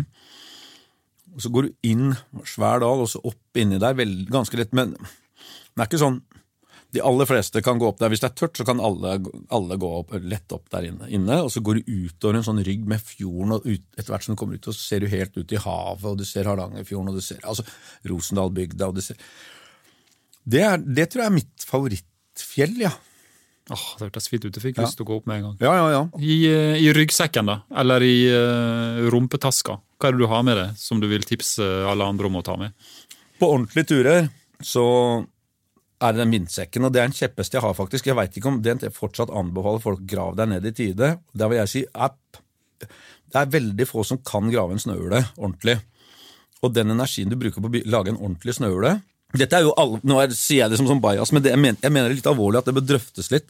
Ja. Fordi den energien du bruker på å grave en velfungerende snøhule Du kunne kommet deg veldig mange mange, mange kilometer i storm med samme energi. Det tar timer å grave. Hvis du ikke har prøvd det før, så blir det helt så, Ja, så tar det veldig mye tid, og det blir en helt middels. Det blir veldig vått og dumt. Men sånn at graven er i tide. Og den spaden, da Jeg, jeg har med spade, altså, men jeg vil si ja, mm, hvis du har øvd litt og sånn, topp, og det er bra å ha en spade og lage en liten mur og sånn, sånn. Nei, vindsekken. Den har du tro på. Vindsekken, mener jeg, det er en så livreddende faktor, og alle som har testa, hvis dere ikke har testa, test når det blåser opp og dra opp den. Ikke vær sånn at den ligger i innpakningen sin nederst i sekken som en sånn den, Det er en ting som skal brukes. Det, det, bare prøv å sette deg inni der uh, når du spiser nista. Hvis det er uh, Du tenker sånn Nå er det helt grusom, nå er det stiv kuling. Nå er det helt fælt her. Dra opp den vindsekken, og så bare rigge seg til. Og så hvis det er ordentlig hardt, så, så, så sek, ha sekken bak dere, ikke sant? Ja, ja. Sånn at du er helt utro... Altså, det er, det er, det er magisk. Det er et veldig bra tips. Så vindsekk, vil jeg si, det er, eh, det er eh, Og, og du har den med gjennom hele vinteren, men også i sommerhalvåret, eller? Ja, ja. Altså, hvis vi, på, hvis er på en tur som er noe Ikke hvis vi skal på hvis jeg er en solskinnsdag vi skal på Malmangernuten, som jeg nevnte, ofte, så har ikke jeg en vindsekk i sekken. Da har jeg væske til mm, væske. Da har jeg liksom en flaske med vann. Ja, ja. Du, Helt til slutt så vet jeg at det ikke bare er, men mange andre, som er veldig glad i eh, at du slår om til Bømlo-dialekt av og til. Ja. En, en venn av det, som også er fra Bømlo, Ja. sa at eh, det er jo mora di som har lært deg dialekta, ja. så dialekta er ikke akkurat sånn som de nødvendigvis snakker på Bømlo i dag, Nei, nei, nei. men, men litt arkaisk. Ja, men det er to. Jeg snakker jo jeg snakker, Faktisk han som du snakker om nå, Brynjar Stautland, som eh, han eh, Som jeg har vært mye på tur med og padla mye med og dukka mye med. Han snakker jo med den gamle r-en hans, sånn som mor mi og de brukte. Men, men så bruker jeg i den spillefilmen som Narvik, da bruker jeg gammel Bømla-dialekt. Den fins det ikke en som snakker lenger. Jeg syns du var helt nydelig i den filmen. Ja, takk. Og da er jo den gamle Bømla-dialekten. For Da spilte du en høytstående offiser ikke sant? Ja, i en stor norsk krigsfilm, Ja. og brukte den dialekta for alt den var verdt. Ja, og da er det både at jeg har assosiasjon Han som karakteren er bygd på, han var fra Rogaland. Og så jeg, snakker jeg jo riksmål når jeg kommanderer. Så hvis han var fra Rogaland, og skulle hatt en rogalandsdialekt på han Når han snakker riksmål, så høres det ut som en prest. Ja. Så for filmen sin del så flytta vi han litt nordigjennom, til Bømlo, hvor du har rudler. Og da får du et sånt offiserspråk når han snakker riksmål. ja. Mens når det drar seg til, så snakker jo han dialekt. Det er gammel, arkaisk Bømla-dialekt. Men i Pørni, den serien til Henriette Stenstrup, ja. der snakker jeg eh, moderne Bømla-dialekt, Mostra-dialekt. Veldig sånn, For den syns jeg er så forfina og fin. eh, Ja, ja. Uh, Så da endrer du den til det. ja, så det er helt, helt en annen dialekt. Men da kan du få velge, fordi det vi hadde litt lyst til nå, helt til slutt, ja, siden det her er en slags julespesial, ja, som uh, Det vil si at det er en episode som vi gjerne lar vare ganske lenge, ja. som vi nå jo har holdt på. Det har vi vel gjort nå, ja. Men det vi tenkte å be deg om, var rett og slett å ønske alle lytterne av Utestemmer ei god jul med det som er da den vakreste dialekten vi vet om. Da vil jeg si at det var fantastisk kjekt å være her, og alle de som har hørt på nå, uh, dette er egentlig meg. Og dette er nå er jeg sønnen til mor mi, og jeg ønsker dere alle en riktig god jul. Og da, da som de gamle sa var god jul i vente. Tusen takk, Henrik. God tur videre. Takk skal du ha. Du lytter nå til Utestemmer. Vi håper du har lyst til å rate oss i podkastspilleren din, og gi oss tips og innspill via e-postadressa redaksjonen krøllalfa dnt.no. Utestemma er laga med støtte fra Norsk Tipping, en av DNT sine faste samarbeidspartnere. Norsk Tipping er stolte over å kunne bidra til at enda flere får gode opplevelser i naturen, og vil takke alle foreninger og frivillige som tilrettelegger for dette.